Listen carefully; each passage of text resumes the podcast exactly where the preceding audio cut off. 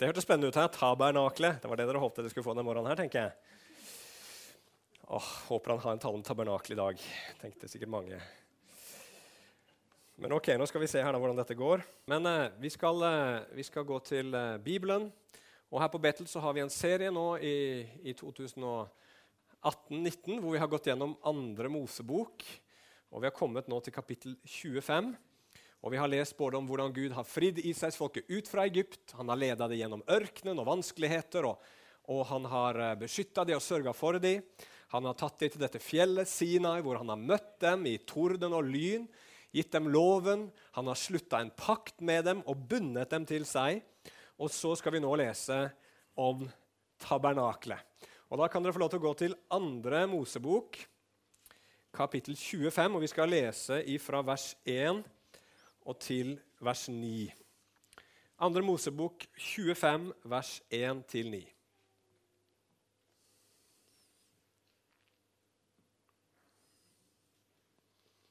Andre Mosebok 25, vers 1-9, som dere ser det kommer også opp på skjermen her. Så talte Herren til Moses og sa.: Si til Israels barn at de må komme fram til meg med en gave. Fra hver den som blir drevet av et villig hjerte, skal du ta imot gaven til meg.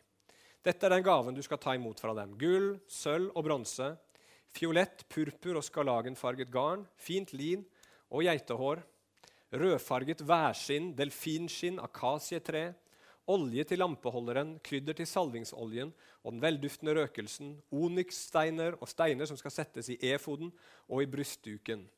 De skal lage en helligdom for meg, så jeg kan bo iblant dem. Etter alt jeg viser deg i mønsterbildet for tabernaklet og mønsterbildet for alt utstyret i det, slik skal du lage det. Ja, kjære himmelske Far, her var det mange vanskelige ord, her, og her var det mange ting som var ganske eh, sikkert skjult og, og, og, litt uforståelig for mange her. Men vi bare takker deg, Gud, for alt ditt ord er sant, Herre. At når vi legger det ut, Herre, når vi forklarer det, Herre, når vi setter det inn i sammenhengen Herre, av all din åpenbaring i ditt ord, Gud, Herre, så kastes det lys over det, Herre.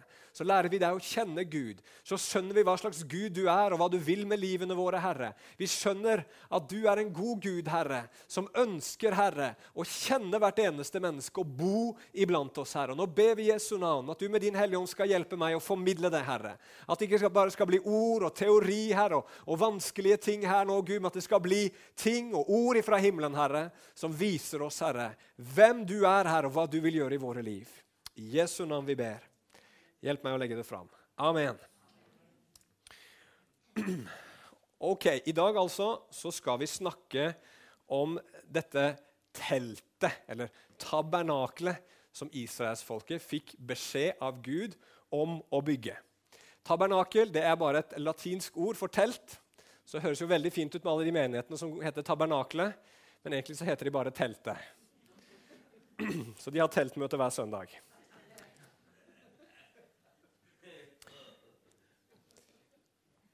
Vi skal begynne med å bare kikke kjapt på dette tabernaklet. da, For det, det, er jo tross alt eh, jeg vet ikke, nesten ti kapitler i, i, i, resten av andre Mosebok som omhandler dette tabernaklet. Først når det blir beskrevet hvordan det skal være, og så kommer det en haug med kapitler til hvor det står at det gjorde akkurat som Gud hadde sagt de skulle gjøre. Så det er veldig mye informasjon om dette tabernaklet. Derfor skal vi ikke bruke tid på å lese det, men jeg skal forklare kort litt innledningsvis hva dette tabernaklet var, eller hvordan det så ut.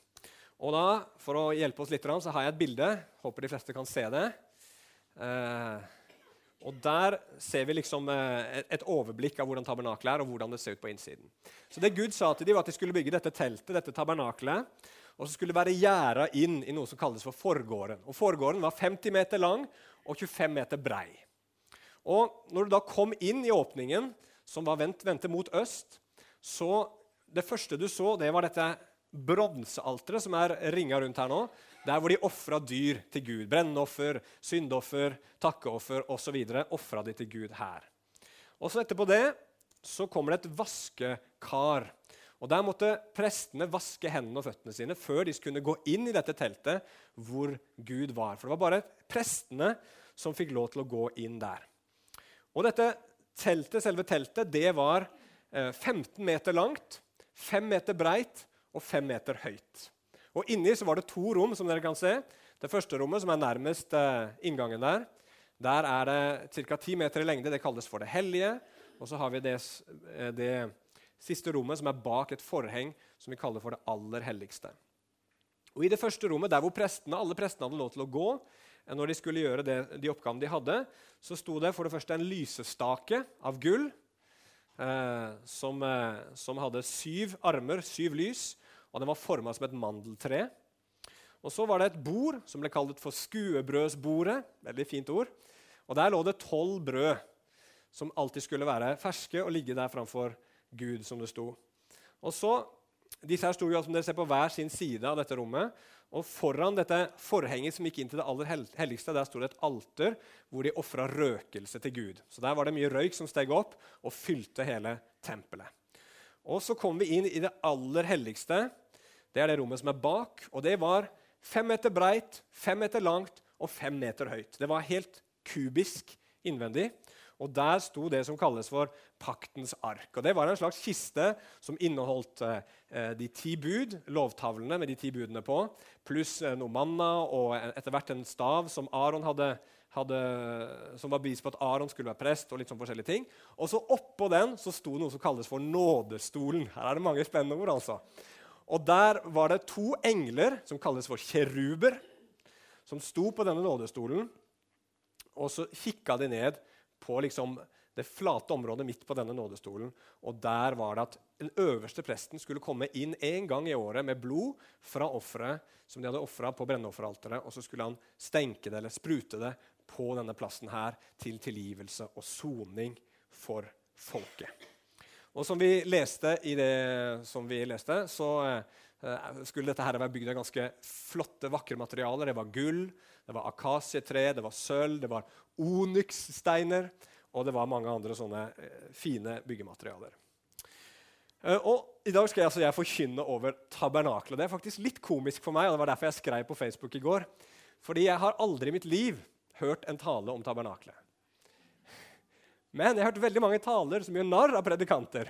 Som taler om dette tabernaklet hele veien, så ingen forstår hva de sier. Og med masse kananspråk og alt mulig. Så det er liksom litt sånn morsomt. Jeg håper at jeg skal få gitt noe når jeg skal tale om tabernaklet. At det ikke bare skal bli kananspråk, at vi ikke skal skjønne så veldig mye av det. Men det jeg håper, er at vi skal forstå at Gud har gjort dette med hensikt. Jo, Gud ba israelsfolket bygge dette huset for seg, eller dette teltet for seg med en hensikt, og det står i Bibelen med en hensikt. Og Det skal vi prøve å finne ut av i dag. Vi skal se på det som er tittelen i dag, nemlig at ja, eh, skal vi se da, nå ble det en Gud som vil bo iblant oss. Og Vi skal se at uh, vi trenger å se. Det er punkt nummer én. Punkt nummer to vi trenger Gud. Og punkt nummer tre at vi trenger en vei til Gud. Jeg tror disse tre tingene her er noe vi kan lære fra historien om tabernaklet. For det første, vi trenger å se. Nummer to, vi trenger Gud. Og nummer tre, vi trenger en vei til Gud. Så da går vi til første punkt. Vi trenger å se noe. Altså, Det er jo helt tydelig i historien om Israelsfolket og Moses og utgangen fra Egypt at Gud trenger jo ikke noe sted å bo. Altså, Han er jo med dem hele veien. Han går i en, en, en skystøtte om dagen, en ildstøtte om natta, og de har til og med et sånn provisorisk telt underveis som Moses har laga, hvor han kan gå for å møte Gud fra tid til annen. Så Gud trengte ikke dette, dette tabernaklet. Men det som jeg tror er poenget, er at folket gjorde det. Folket gjorde det for de trengte å se noe. De trengte å se noe. Vår Gud, han som vi tror på, det er himmelens og jordens skaper. Han er allesteds nærværende. Han er overalt. Han er større enn universet. Han er ånd, står det i Bibelen. Det er ikke en som noe menneske egentlig kan se. Kan, ingen kan se han sånn som han er. Men allikevel, selv om han på en måte er bortenfor vår fatteevne, så er det veldig sjelden i Bibelen at Gud blir beskrevet med abstrakte begreper. Han blir heller ofte malt framfor oss i bilder. Gud vil fortelle oss hvem han er, ved å male bilder hele veien gjennom bibelhistorien. Og Det finner vi, og det har vi sett så langt i andre Mosebok. Det er bilde på bilde på bilde på bilde, og så er det Gud som vil at vi skal se noe. Og Hvorfor gjør han det? Er det ikke sånn at den, ikke, den er salig, den som tror uten å se? Er det ikke det Bibelen sier? Vel, det som jeg tror er Poenget med det her er at Gud ikke først og fremst er ute etter våre fysiske øyne. For det er jo ingen her som har sett tabernaklet sånn som det var. Ingen av oss som har sett noen ting av det som faktisk forteller oss om i andre Mosebok. Ja, ja, noen som har kanskje vært og sett Sinai-fjellet, det de tror er Sinai-fjellet. og litt sånn forskjellig.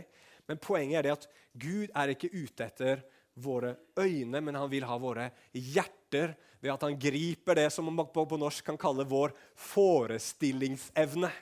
På engelsk har det et veldig fint ord. Imagination. Imagination. Fantasi blir litt sånn rart. Eh, men eh, forestillingsevnen vår, den vil Gud ha tak i. Les f.eks. i Hebrebrevet 12. Så sier forfatteren der at vi skal feste blikket på Jesus. Troens opphavsmann og fullende. Men hva i all verden betyr det? Han er jo ikke her på jorda. Hvordan kan vi se på Jesus da?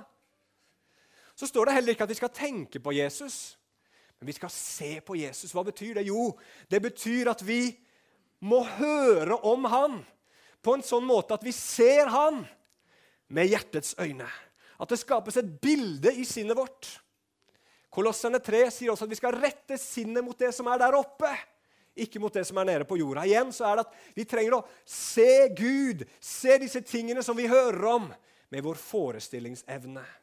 Det må skape et bilde på innsiden av oss. Og hvorfor vil Gud det? Jo, for han vet hvordan vi mennesker er, for han har skapt oss. Og han vet at det som griper din forestillingsevne, det griper deg. Det som styrer dine lengsler og det som former ditt syn på virkeligheten, det er det som ditt hjerte ser for seg og blir grepet av. Og Dette tabernaklet det var skjønt, det var vakkert, det var gull. Det var lin i skalagen, det var den vakreste fargen man hadde på den tiden. Det var så noe mystisk og noe skjult over det som, som dro på folkets forestillingsevne. Og det var også noe frastøtende og stygt, der hvor de ofra dyr, og disse ble slakta framfor Guds åsyn på mange måter som korset, som både inneholder skjønnhet, og som også er litt frastøtende, og som inneholder noe mystisk, noe, et mysterium. Noe som er skjult for det det fysiske øyet kan se. Og det er noe å tenke på. Jeg tror dette er en veldig sterk bibelsk tanke, at Gud vil ha vår forestillingsevne. Og da er det jo veldig spesielt for oss som lever i den tiden vi lever i nå, hvor vi er i det vi kaller for et mediesamfunn hvor du og jeg er omgitt av skjermer 24 timer i døgnet, som hele tiden fanger ikke bare våre øyne, men våre hjerter. Som fanger vår fantasi og forestillingsevne. Og Det du og jeg trenger å være klar over, er at de flinkeste filmskaperne, de som er i Hollywood og i, i, andre sånne miljøer som er i stand til å lage disse TV-seriene og filmene og, og tingene som vi ser på TV, de har en evne De er så dyktige at de kan male en verden framfor dine øyne. Har du noen gang vært i en film og så glemmer du nesten at du eksisterer? for du er så inne i den handlingen i filmen? Har det skjedd det noen gang? Du Sitter, alt, all oppmerksomheten din går til det som skjer i filmen. Og du vet jo at det bare er fantasi, men du føler med karakteren. Du sitter der og er livredd ikke sant, for at det skal gå galt. De, en som henger der på en klippe. Alt er bare skuespill, men vi lever oss inn i det. Og de dyktige, dyktige regissørene og filmskaperne de kan faktisk skape en verden for oss i sitt eget bilde. De kan skape for oss en verden hvor de kan få deg til å få sympati med den som gjør noe galt. De kan skape en verden hvor man kan drepe et menneske uten at det gjør noen ting med deg. De kan skape en verden hvor du kan ha sex med mennesker uten at det skaper noe bånd. De bildene vi ser, de får oss til å begynne å tro. De får oss til å begynne å bli grepet av verdier, bli grepet av en visjon. De vekker lengsler i våre hjerter. De gir oss en følelse av hva som er vakkert, og hva som er forkastelig. Og så tar vi med oss de verdiene som vi blir presentert for i denne liksom, forestillingsverdenen. som vi blir presentert for, Så tar vi med oss de verdiene og det verdensbildet inn i den virkelige verden og begynner å leve etter det. Og Det er det vi gjør i vårt samfunn i dag. Den moralske revolusjonen som finner sted i vårt samfunn akkurat nå, det er nettopp det. Det kommer fra denne forestilte verden som blir malt framfor øynene våre hver eneste dag. Bare vi gjør sånn, bare du lever sånn, så blir du lyk lykkelig, så finner du fred, så finner du mening. Men jeg kan love dere at det blir en pris å betale. For virkeligheten slår alltid tilbake. Du kan drømme at verden og virkeligheten var annerledes enn det den er. Men den er sånn som den er, for Gud har skapt den sånn. Derfor så blir det en pris å betale, men jeg tror også det kommer til å komme veldig mange mennesker som blir des desillusjonerte tomme på sikt av å leve etter de verdiene og etter den virkelighetsforståelsen som vi ser i mediene. Men Derfor er det så utrolig viktig at du og jeg er her. Og Derfor er det så utrolig viktig at jeg ved Guds nåde og hjelp kan få stille meg fram her og ikke bare gi dere en masse informasjon, men må Gud være nådig mot alle oss forkynnere, så vi kan få male Kristus. Male Jesus for øynene deres, så dere kan se og bli grepet av Han. For det er Han som er sannheten, det er Han som er veien, det er Han som er livet, det er Han som er skjønn. Og Han vil ha våre hjerter, og Han vil at vi skal se hvor vakker Han er. Så vi trenger å se og tabernaklet ble gitt oss for at vi skal få se noe som griper våre hjerter og vår forestillingsevne. Men tabernaklet sier noe mer. Det sier at vi trenger Gud. Da israelsfolket kom hit, så hadde de allerede opplevd å bli fridd ut fra slaveri. De hadde allerede opplevd at Gud sørga for dem, at de skulle få mat og, og, og, og alt det de trengte i ørkenen. Og De hadde også fått løfte om at de skulle få et land å bo i. Men det Gud prøver å fortelle dem, at alt dette her er bra, men det er ikke det dere trenger mest av alt. Det dere trenger mest av alt, det er meg. At jeg skal bo iblant dere. Og Jeg syns det er ganske fascinerende hvordan vi mennesker, egentlig alle sammen, går rundt med en lengsel etter paradis i oss. Du vet, Når du ser reklame for en eller annen feriereise til et eller annet sånn sydhavsstrøk med palmer og hvite strender, asurblått hav ikke sant? og vakre mennesker som smiler og er lykkelige, så vet vi jo alle sammen av erfaring at Syden ikke helt er sånn. Svette turister, ikke sant? stressende reise, aircondition er alltid for kald, så du blir syk. Eh, og så blir det alltid litt krangling i familien, og man blir gretten etter hvert. Og så, selger, så finner man så mye juggel, og ikke minst magesyke. Men med en gang du og jeg ser en reklame for Syden, med disse vakre bildene, så begynner vi allikevel å drømme. Det er et eller annet i oss som vekkes til live. Og vi håper hver bidige gang på at denne ferien skal bli annerledes. Den skal bli så vakker. Den skal bli vidunderlig. så blir det ikke alltid sånn. Men det fins en lengsel etter paradis i oss. Derfor har vi også denne veldig driven etter å skape disse utopiene våre, altså de perfekte samfunnene, hvor alt er godt. Selv i et land som Norge, hvor vi har det bedre enn de aller fleste menneskene i verden, så vet vi at det fortsatt er ting som ikke er sånn som de burde være. Og så prøver vi hele tiden å forandre på lovene våre, forandre på kulturen vår, for å hindre at noen som helst skulle falle utenfor, sånn at ingen skal lide. Og så vil vi skape paradis på jorda. Men veldig ofte når vi forsøker på det, så blir det ofte det motsatte. Og så er det denne rikdomsjaget som handler om at vi lengter etter et bekymringsfritt liv. Hvor, hvor, hvor vi, vi, vi, kan slappe av. Tenk alt dette stresset, alt dette kavet. Nå er vi trygge. Og så blir det ikke sånn. Paradis det forsvinner. Vi lengter etter det, vi drømmer om det, men det er ikke der. Men jeg tror virkeligheten allikevel er sånn at Gud gir et hint om hva paradis er for noe. Og Jeg hørte en forkynner her som jeg kjenner litt, som jeg med, som hadde eh, reist eh, til sydligere strøk for å jobbe i en turistkirke. Og Der var det varmt og det var godt, og han trivdes fint, og de opplevde det var meningsfylt. Men de endte om å reise hjem igjen tilbake til kalde, vindblåste Vestlandet. Fordi at de savna barn og barnebarn. Og det er jo litt sånn med oss mennesker at jo, vi, vi, når alt kommer til alt, og veldig ofte så merker man det på slutten av sitt liv, så er det ikke så veldig viktig hva du fikk til, eller hvor mye du eier, eller hva du har. Men det som blir viktig på slutten av livet, det er de menneskene man har rundt seg. ikke sant? Plutselig så blir de det viktigste. Og Det forteller oss at paradis, det vi lengter etter, er ikke ting. Det er mer noe som har med relasjon å gjøre. Og så merker vi samtidig at alle de relasjonene vi har til familie og venner, de, de er, det er noe ufullkomment med dem. De, de, kan ofte bli skada, de kan bli ødelagte. Og Det Gud prøver å si til israelsfolket, og det Gud prøver å si til oss, det er at jo, vi trenger et paradis. Vi gjør det, og det er derfor han vil bo iblant oss. For paradis er ikke et sted først og fremst, men det er der hvor Gud er. Derfor skulle dette tabernaklet ligge midt i leiren. Er de redde for lysene? Duken, ja. ja, ja, ja. Får uh, slukke det, da, så ikke det går galt. Å ja, det som gjør det, ja.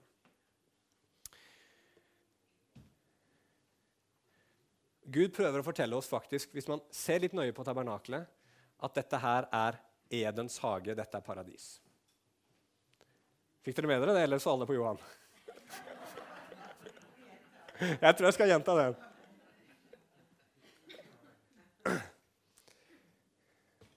Nå ble forestillingsevnen deres grepet av andre ting. Vi ser, ser hvor lett det er, hvordan oppmerksomheten vår blir dratt. Men poenget mitt er det her, at når du ser på tabernaklet, så er det en slags minimodell, mener mange, av eden. Av det som vi forlot, det som vi mennesker forsvant ut av pga. synden. Hvorfor det? Jo, det kanskje mest markante er disse kjerubene, disse englene. For både på, forhenget inn til det aller helligste og i det aller helligste så var det noe som heter kjeruber. Det var en, den type engler, et navn på engler. Og Da mennesket måtte forlate Edens hage, så satte Gud kjeruber øst for Eden som skulle vokte inngangen. Og Så finner vi et tre i tabernaklet som minner om livets tre. Den lysestaken skulle formes som et tre. Når eh, Eh, når eh, tabernaklet ble bygd, så fortelles det i sju forskjellige etapper. Den siste etappen handler om sabbaten. Det er gull og onykssteiner, som vi nettopp hørte om. Det også er det snakk om i Eden. Alt dette her er Gud som forsøker å fortelle oss at her er vil jeg si dere om noe hva paradis er. Her hvor jeg bor, er paradis. Paradis er ikke et sted, men det er der hvor Gud er. Og Derfor er det sånn i slutten av Bibelen nå, når Gud kommer til jorden, og det skal bli himmel på jord, og vi skal gå inn i det evige livet Hva er det som kjennetegner det paradiset da? Jo, da sier at Gud at hans bolig skal være blant menneskene. Gud skal bo der. Og så syns jeg det er veldig fascinerende om dette, denne nye Jerusalem som en dag skal komme fra himmelen og invadere jorden. At det står der i, i Johannes' åpenbaring 21, vers 16 at denne byen strekker seg utover som en firkant. Lengden er den samme som bredden. Og Han målte byen med røret 12 000 stadier. Lengden, bredden og høyden av den var like. Ikke prøv å forestille deg hvordan en by kan være like høy som den er brei. Det blir jo en kube. Det blir en gigantisk terning. Men det som er poenget her, er å si at det du og jeg skal tilbringe evigheten i, er en plass som er akkurat som det stedet som var innerst i tabernaklet, det aller helligste. For der var også høyden, lengden og bredden like. Gud sier at evigheten, det du og jeg trenger mest, det er å leve sammen med Gud. Og himmelen og evigheten blir bare himmel og evighet fordi Gud er der. Ikke fordi at alt kommer til å bli godt og bra, selv om det gjør det, men det er fordi Gud er der. Og vi skal få leve sammen med Gud. Det vi ble skapt til. Du og jeg er mennesker som har et enormt hull på innsiden av oss som bare Gud kan fylle. Og jeg tenker I en verden som den vi lever i, når vi holder på å ødelegge vår egen planet ved hele tiden å være grådige og materialistiske og ville ha ting hele veien, så er det så godt å komme med et budskap som sier du trenger ikke én ting til. Du trenger ikke en ny bil. Du trenger ikke ditt, du trenger ikke datt. Men det vi mennesker trenger, og det eneste tror jeg, som er et håp for denne verden, her, det er at mennesker ser at de trenger Gud. At de får Han inn i sine liv. Da kan vi leve uten å være så veldig opptatt av alle de materielle tingene som vi så veldig ofte ikke trenger. Vi trenger noe, men vi trenger ikke så mye som vi i Vesten driver og skaffer oss hele veien. Og Så kommer det siste punktet mitt. Vi trenger en vei til Gud. Det er jo sikkert litt eh, frustrerende for disse israelittene og så fange dette budskapet. Her er jeg, sier Gud. Nå vil jeg bo midt iblant dere, og her er paradis. Paradis kommer inn og er akkurat der hvor dere er. Og samtidig se at de står utenfor. Tabernaklet forteller oss at Gud er hellig. Det fins en vei inn, Men du må først gå gjennom et offer. Du må først bli en prest, egentlig, som blir rensa ved blod og vann for å kunne komme inn der hvor Gud bor. Og skal du komme inn i det aller helligste, det innerste stedet, der hvor faktisk Gud sier at han er, da må du være den øverste presten. Dermed er det sånn at For 99,99 ,99 av disse israelittene så er ikke Gud tilgjengelig for dem. Og Det er det store dilemmaet i Det gamle testamentet. Hvordan kan Gud, som vi trenger så desperat, bo og være sammen med mennesker som er syndere? Fins det noe håp for oss? Er det en vei til Gud for oss mennesker? Og Da går vi til Det nye testamentet og så ser vi i lys av det vi har sett nå på Johannes kapittel 1. Nå skal vi lese vers 1 og vers 14. Der sies det om Jesus. Vi begynner i, i kapittel 1 av Johannes, og så er det vers 1 og vers 14. I begynnelsen var Ordet, og Ordet var hos Gud, og Ordet var Gud. Og Ordet ble kjøtt og tok bolig iblant oss, og vi så Hans herlighet, den herlighet som den enbårne har fra Faderen, full av nåde og sannhet. Da Jesus kom til jorda, så står det han kom ikke liksom bare for å si hei, men han kom for å ta bolig iblant oss. Og Det som er veldig spesielt her i den greske teksten, er at det ordet som brukes om å ta bolig, er nettopp det greske ordet for å bo i telt. Helt samme ordet som brukes i den greske oversettelsen av Det gamle testamentet, eller samme rotordet som brukes her om Jesus. Og også det samme ordet som vi finner igjen i Åpenbaringen 21, hvor Gud sier 'min bolig skal være blant menneskene'. En engelsk oversettelse skriver faktisk at Jesus kom for å tabernakle iblant oss. Vi skjønner hvorfor ikke vi valgte den oversettelsen på norsk. Men poenget er der. Gud kom for å ta bolig slik som vi ser det i Det gamle testamentet. Og enda tydeligere, hvis vi bør gå litt videre i Johannes, kapittel 2, vers 19, så går Jesus inn i tempelet, og så ser han de driver med forretning og utnytter mennesker der, så han jager de ut. Og så spør jødene hva slags tegn gjør du for å kunne rettferdiggjøre en sånn handling. Og så står det i vers 19 i kapittel 2 der. Jesus svarte og sa til dem, ødelegg dette tempelet, og på tre dager skal jeg reise det opp. Da sa jødene det har tatt 46 år å bygge dette tempelet, og du vil reise det opp på tre dager? Men tempelet han talte om, var hans egen kropp. Jesus kommer og så sier han, det tempelet dere leste om i Det gamle testamentet, det stedet hvor man møter Gud, her er jeg, sier han. Jeg er stedet hvor du møter Gud. Jeg er det sanne tabernaklet. Jeg er det sanne tempelet. Og Når du leser og kikker på tabernaklet, så ser vi så mange ting som peker på Jesus. Brennofferalteret, hvor Jesus sier 'Jeg er' eh, eller, eller, vi får høre i Guds ord heller at, at, det står at Jesus er Guds lam som bærer verdens synd. Som skulle bli ofra. Og så har vi dette med dette vaskekaret. Jesus som går gjennom dåpen for å gå til korset. Og som vasker disiplenes føtter. Og så ser vi lysestaken, Jesus som sier at han er verdens lys. Og så brødene. Jesus sier at han er brødet som er kommet ned himmelen, fra himmelen. Og Så hører vi om Jesus som går i forbønn for oss, og røkelse er et symbol på bønn. Og så har vi det som jeg syns overgår absolutt alt. Noen fantastiske ord fra Paulus som jeg brukte lang tid på å skjønne. Jeg var over 30 år før jeg forsto det. Hadde ikke lest Bibelen godt nok, sikkert. Og Det var når vi kom til, kommer til Romebrevet 3, og vers 23-26. Så står det for alle har syndet og mangler Guds ære. Eller Guds herlighet hadde egentlig vært en bedre oversettelse der. Men så står det men de blir rettferdiggjort, ufortjent av Hans nåde, ved forløsningen, den som er i Kristus Jesus. Ham, altså Jesus, stilte Gud fram som nådestol ved troen i hans blod for å vise sin rettferdighet, fordi Gud i sin tålmodighet hadde båret over med de synder som var gjort tidligere.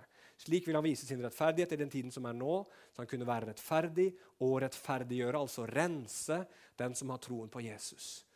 Dette tabernaklet, denne paktkiste og denne nådestolen peker fram mot Jesus, som skulle gi sitt liv for oss. Som skulle la sitt eget blod renne der på korset, sånn at vanlige mennesker som du og jeg, som ikke er jøder, og i hvert fall ikke har presteslekt, vi skulle få lov til å komme inn i det aller helligste.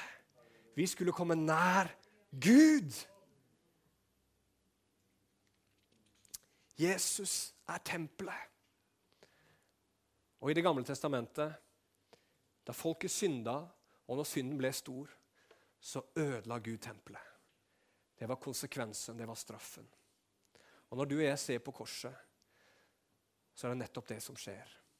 Jesus Kristus, Gud som tar sin bolig blant mennesker, blir ødelagt på korset pga. vår synd. Der ble tempelet revet ned idet Jesus ble brutt for oss. Jesus kom for å være tempelet, men så tok han konsekvensen selv av det å være utenfor tempelet. Og det å være utenfor leiren, som det står. Han døde utenfor Jerusalem. Han var i mørke, ikke lys. Han havna i forbannelse, ikke velsignelse.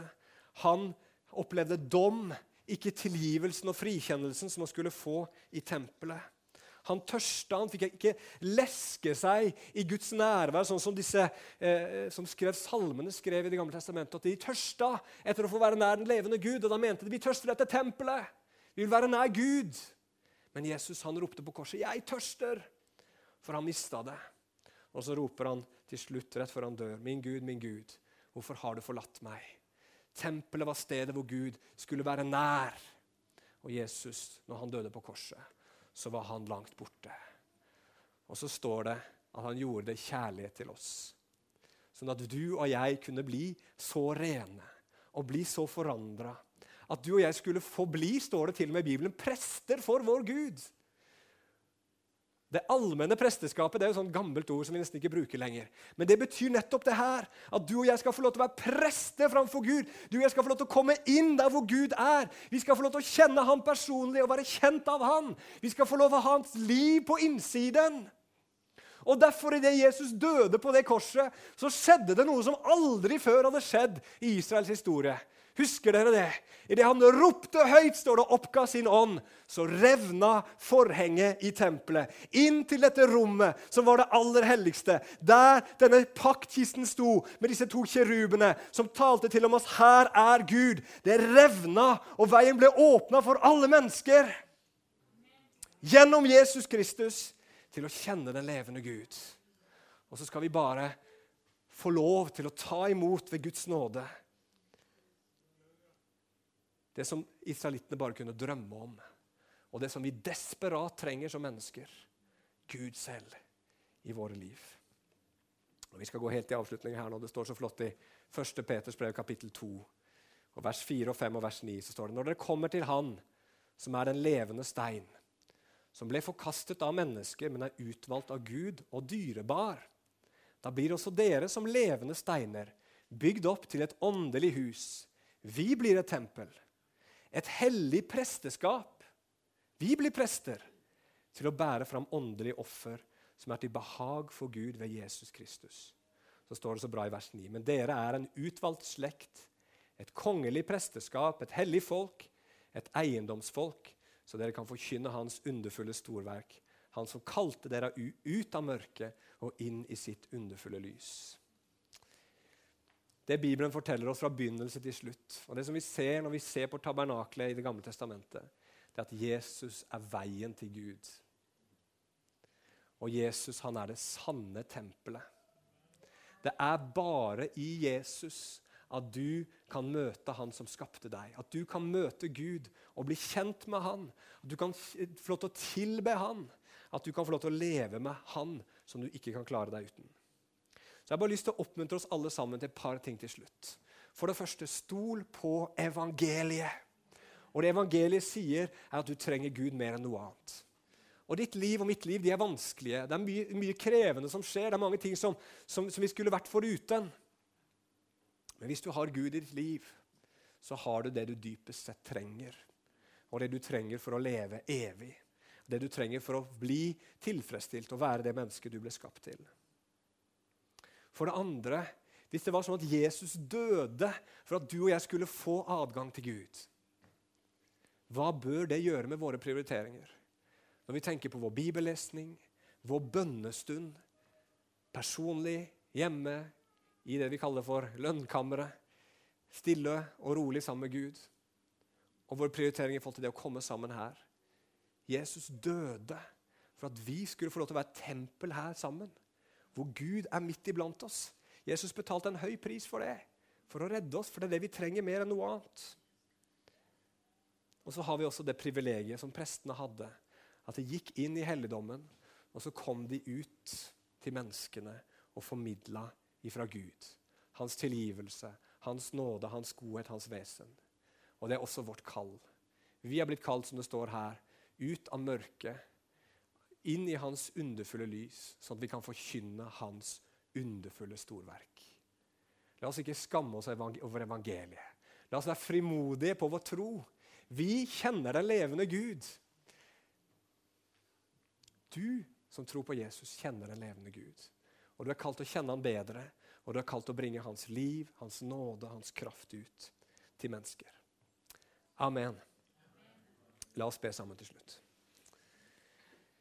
Kjære himmelske Far, vi takker deg for du er her.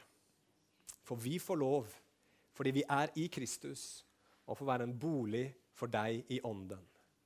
Herre, du er nær. Å, Herre, hjelp oss å se det. Hjelp oss å smake. Jeg ber om at alle som er her inne i dag, skal få smake og se at Herren er god. At du skal gripe våre hjerter, gripe vår forestillingsevne. Hjelpe oss til å forstå her at det vi dypest sett trenger, det er å kjenne deg, Gud. Alt annet er bare tillegg. Men uten å ha deg, Herre, så er vi døde. Vi er fortapt. Det er ikke noe håp og noe framtid for oss. Men når vi har deg, Herre, så har vi alt vi trenger. Alt som tjener til liv og til Guds frykt. Og så ber jeg om at du skal gi oss frimodighet, Herre, til å bringe ditt ord ut. Bringe ditt evangelium ut til en verden som trenger deg. Vi ber om det i Jesu navn. Amen.